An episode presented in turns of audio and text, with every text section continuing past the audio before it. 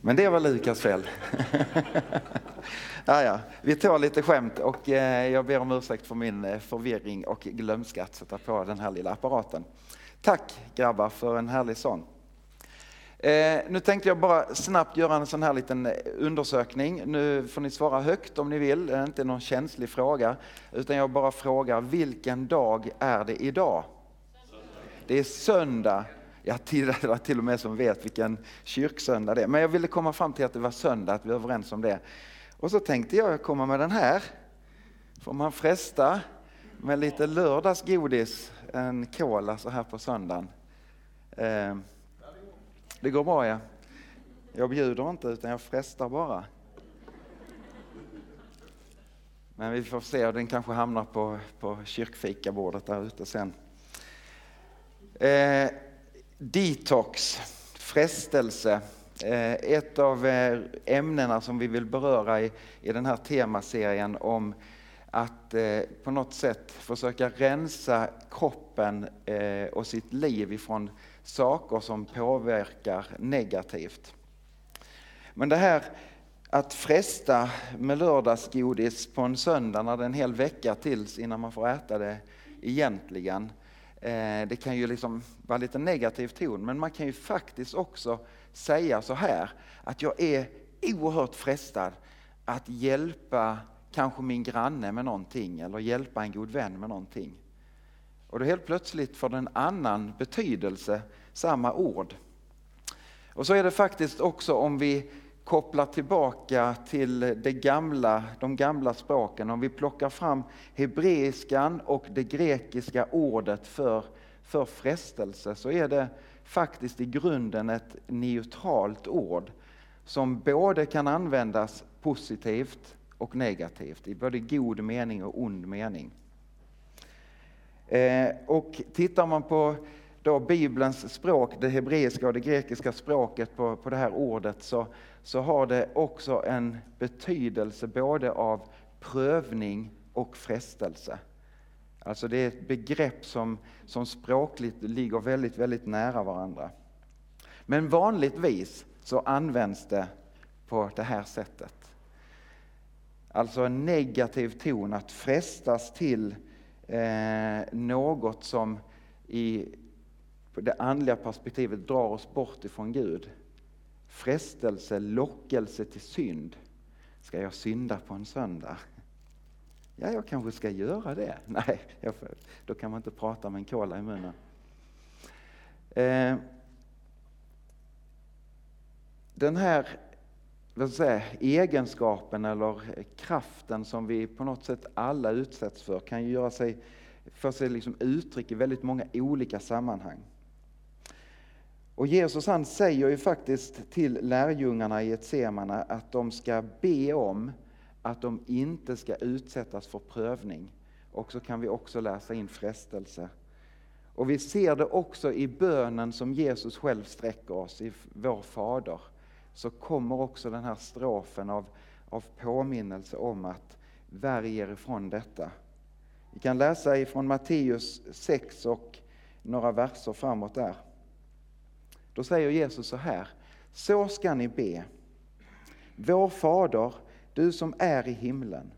Låt ditt namn bli helgat. Låt ditt rike komma. Låt din vilja ske på jorden så som i himlen. Ge oss idag vårt bröd för dagen som kommer och förlåt oss våra skulder, liksom vi har förlåtit dem som står i skuld till oss. Och utsätt oss inte för prövning, utan rädda oss från det onda. Eller som det stod i den gamla översättningen, inled oss icke i frestelse. Utsätt oss inte för prövning. När man hör Jesus säga detta så är det nästan så att man lätt kan uppfatta det som att det är Gud som utsätter oss för prövning. Och så ber vi Gud, pröva mig inte, utsätt mig inte för frestelse. Men kan Gud fresta? Kan Gud liksom pröva oss i den här negativa betoningen eller betydelsen av ordet? Ska vi låta bibelordet själv svara på den frågan så kan vi slå upp Jakobs brev 1 och 13 där det står så här. Ingen som blir prövad ska säga att det är Gud som frestar honom. Gud kan inte frestas av det onda och själv frestar han ingen. Blir någon frestad är det alltid av sitt eget begär som han lockas och snärjs. Och när så begäret har blivit havande så föder det synd och när synden är fullväxt föder den död. Ni märker att det blinkar här bak. Det är Gud som säger nu är det något extra viktigt som förmedlas. Så att eh, vi läser detta igen. Ingen som blir prövad ska säga att det är Gud som frestar honom. Gud kan inte frestas av det onda och själv frestar han ingen. Blir någon frestad är det alltid av sitt eget begär som han lockas och snärjs. Och när så begäret har blivit havande så föder det synd och när synden är fullväxt så föder den död. Varför behöver Jakob skriva detta kan man ju fundera på. Någonstans tänker jag att det måste finnas en, en, eh, en, säga, en tanke som sprids eller talas ut om att det är Gud som prövar. Det är Gud som frestar. En falsk beskyllning som är liksom i, i omlopp. Och det är på något sätt en tendens som har följt med ända sedan syndafallet. När jag för någon vecka sedan talade om detox, rädsla, så, så gjorde vi också liksom en, en koppling tillbaka ifrån syndafallet. Det kan vi göra här också. Adam och Eva som, som lever i en hel gemenskap med Gud och där allting är i harmoni. Så är det en person eller en, eller en, en kraft som gör sig påmind in i Adam och Evas liv som lurar bort ifrån Gud. Eva lockas att äta av frukten ifrån kunskapens träd. Det som förbudet som Gud hade gett. Ni får äta av all frukt men inte av detta träd. Och så lockas hon, frestas hon att göra det. Och sen så gör Adam också det. Och så läser vi i Första Mosebok 3 och 11 så här. Herren Gud sa alltså till, eh, till Adam, vem har talat om för dig att du är naken? Har du ätit av trädet som jag förbjöd dig att äta av? Mannen svarade, kvinnan som du har ställt vid min sida, hon gav mig av trädet och jag åt. Och det är på något sätt som att Adam han, han gör en, säga, en indirekt beskyllning att det är du som Gud som ligger bakom detta. Det var du som gav mig kvinnan, det var ju du som och så vidare. Och sen har den tendensen följt med mänsklighetens historia att liksom skylla på Gud på olika sätt.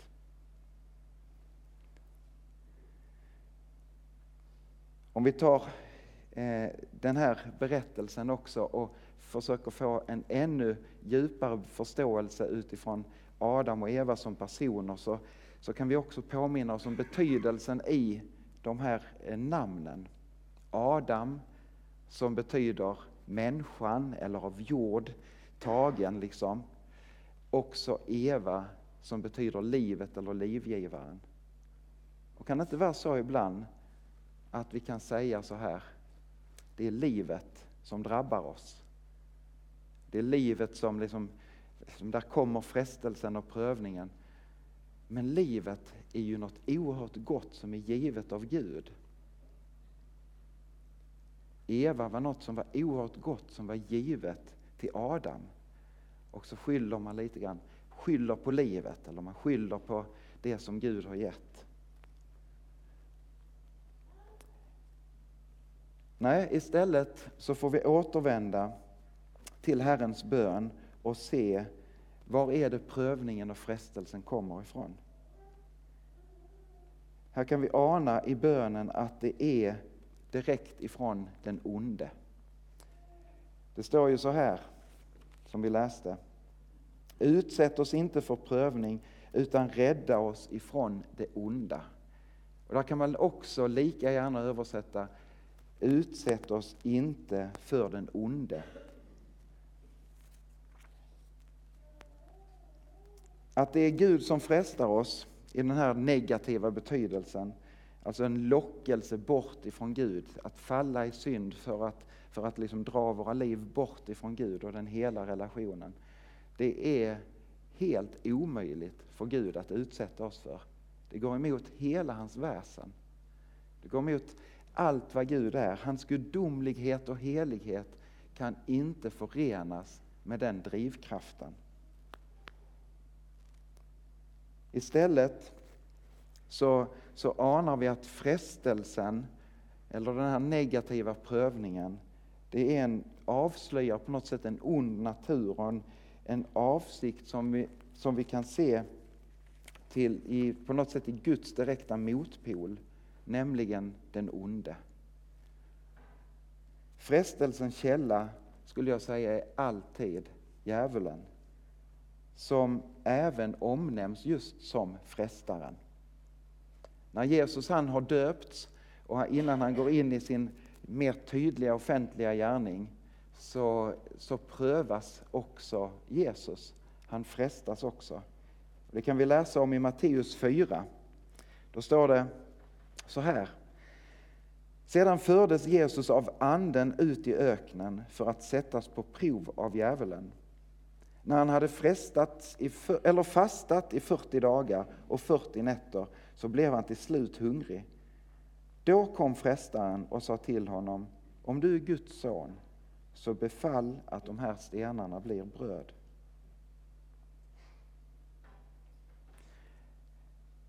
Han drivs ut i öknen av anden.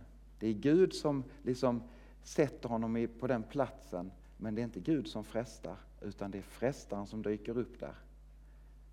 Och det är märkligt, är någon som kan tänka sig det här att det är fastat i 40 dagar och 40 nätter och då plötsligt blir man hungrig. Jesus är ju väldigt mänsklig i det avseendet. Det skulle du också bli. Och då kommer frestaren. På något sätt i livets omständigheter som, som gör att det blir en ingång för honom. Och den onde, tänker jag, ända sedan som själv skapt av Gud men har ändå satt sig upp emot Gud och hans suveränitet. Sen han har avfallit och sagt att jag vill själv ha den platsen som du har Gud. Ända sedan det så har han varit en edsvuren fiende till Gud. Och på något sätt har det varit en drivkraft ifrån, från den onde sida att motarbeta Gud, att motarbeta Guds folk och motarbeta allt gott verk en kamp som du och jag är indragen i. Vi ser det i syndafallsberättelsen. Vi ser det genom hela livshistorien. Vi ser det när Jesus själv frestas i öknen och vi ser det ända fram i våra dagar. Någonting som också du och jag tyvärr utsätts för. Den onde som vill göra Guds frälsningsplan om intet, han försöker att få allt Guds folk att falla ifrån på alla möjliga olika områden. Bara för att kunna anklaga oss inför Gud. Anklagaren, lögnaren. Han bär många namn. Därför så säger Petrus så här, och det är nästan så att han liksom ropar ut det eller med nöd liksom bara hälsar det till, till, eh, till sina syskon, till, till kristna genom alla tider. I första Petrusbrevet 5 så säger han Var nyktra och vaksamma. Det blinkar inte, men tänk ändå att det här är viktigt. Var nyktra och var vaksamma. Er fiende djävulen går omkring som ett rytande lejon och söker efter någon att sluka. Håll stånd mot honom, orubbliga i tron och kom ihåg att ni får utstå detsamma som alla era bröder här i världen. Vi sitter alla i samma båt. Men även om det finns en vilja i tillvaron som vill beröva dig livet, som vill beröva dig tron, glädjen, hoppet och så vidare, så finns det en annan kraft i tillvaron som vill det motsatta som vill ge dig livet, som vill ge dig tron, som vill öka glädjen i ditt liv, som liksom vill sätta fart på kärleken och så vidare. Och det är Jesus själv, Gud själv, som vill detta. Jesus säger i Johannes 10 och 10 Tjuven kommer bara för att stjäla, slakta och döda, men jag har kommit för att de ska ha liv och liv i överflöd.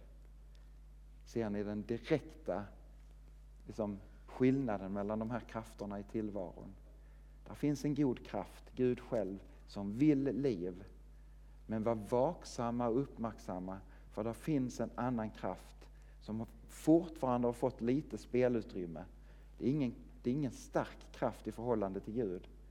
Men det är en kraft som vill påverka och dra oss ifrån livets källa. Och Det är så gott att veta att Jesus själv vet att vi är indragna i den här kampen. Att vi lever i konsekvenserna av syndafallet, det vet Jesus mycket väl. Men det är också där, på något sätt, i kölvattnet av det som hände i syndafallet, som, som vi då blir utsatta på väldigt många olika områden. Och kanske också på områden som från början var gott. Det som var rätt från början, som blev snedvridet i, i liksom upproret som, som människan lurades in i, i syndafallet. Vad var, vad var uppdraget till de första människorna? Jo, förvalta detta, ge namn åt, åt djuren, ta hand om skapelsen, vårda den.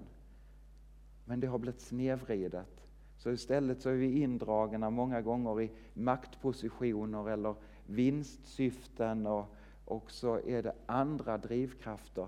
Det som var rätt och gott från början blir utsatt, eller kan vi bli utsatta för frestelser omkring. Mer makt, mer att säga till om. Och vi kan vara väldigt underfundiga med vilka drivkrafter vi kan ha för att få fram sin egen vilja. Något annat som också gavs människan av Gud, som var gott från början, fruktbarheten, sexualiteten. Detta att föröka er, bli fler. En gudagiven gåva som är fantastiskt vacker, men som har blivit snedvriden och där vi många gånger utsätts för frestelse och prövning. Den onde på något sätt slår in sina pilar mot de här områdena. Något annat som också gav som var gott i skapelsen. Jag skrev näringsdriften, men det låter lite sådär. Men att vi fick äta och dricka. Ät av alla frukterna. Liksom, lev av det goda. Njut av det goda. Men också det har blivit snedvridet så att vi också där på de områdena faktiskt kan utsättas för frestelse. I dryckenskap eller frosseri eller på andra sätt eller obalans, att vi inte delar med oss av, av det vi har. Och så kan vi fortsätta på område efter område efter område. Ända in på insidan, i själen och i anden. Våra tankar, våra känslor, vår vilja, våra värderingar och så vidare kan också utsättas för frestelse att vi väljer fel och väljer bort ifrån Gud. Och djupast sett så kan det driva oss till det som är den ondes mål, att vi skulle börja tvivla på Gud. Att tvivla på Guds omsorg och börja tvivla på Guds suveränitet. Och så kommer anklagelsen, kan du kalla dig en kristen som tänker så, som gör så, som agerar så? Och han är en mästare på att liksom gå och fiska i den här gamla dammen som kallas glömskans hav, där vi får slänga allt vårt skräp. I förlåtelsen blir lovade av Gud att du är förlåten, det är utraderat. Men så är vi där och fiskar och den onde påminner om det som redan är glömt av Gud på något sätt. Han vill så in ett tvivel på Gud. Det gjorde han redan till Adam och Eva. Ingalunda skulle Gud ha sagt och så vidare. Och rätt vad det är så kan också de tonerna höras i vårt inre. Men då får vi återvända igen till Jesus och påminna oss om att hjälpen finns i honom, att faktiskt övervinna frestelsen och prövningen och dess följder. I Hebreerbrevet 2 så står det så här i några verser. Då nu barnen är av kött och blod måste han på samma sätt bli människa. För att han genom sin död skulle göra dödens herre, djävulen, maktlös och befria alla dem som genom sin fruktan för döden har varit slavar hela sitt liv. Det är ju inte änglar han tar sig an, nej det är Abrahams ättlingar som han tar sig an. Och därför måste han i allt bli lik sina bröder för att bli en barmhärtig och trogen överste präst inför Gud och kunna sona folkets synder. Eftersom han själv har prövats och lidit så kan han hjälpa dem som prövas. Detta att Jesus han lär oss att be förlåt oss våra synder. Där är det bara att falla tillbaka i nåden och bara vila i nåden. Att det finns ingenting som i ditt liv som står i vägen för Guds kärlek över ditt liv. Det är ingenting som står i vägen som inte Gud kan liksom plocka bort i förlåtelsen. Och det är bara nåd. Du kan bara få ta emot det. Och också denna nåden att veta att när jag faller för det gör vi alla, så faller jag i Guds hand. Jag faller inte utanför Guds hand. Han är så barmhärtig och god så att han är den som fångar upp oss när vi faller och i förlåtelsen reser oss upp igen. Om och om igen. Och trots att vi får vila i nåden så får vi heller aldrig sluta att uppmuntra varandra att likt Jesus faktiskt stå emot den onde och försöka stå emot frestelsen med Guds ord och med tron på Gud. Paulus uppmuntrar oss till detta. Han säger så här i Efeserbrevet när han pratar om att ni ska ikläda er Kristus som ett skydd för era liv. Och Det är ju också känt som att vi ska klä oss i Guds vapenrustning. För Paulus vet också vem vår motståndare är. Då skriver han så här i Efesierbrevet 6. Hämta nu styrka hos Herren av hans oerhörda kraft. Ta på er Guds rustning så att ni kan hålla stånd mot djävulens lömska angrepp.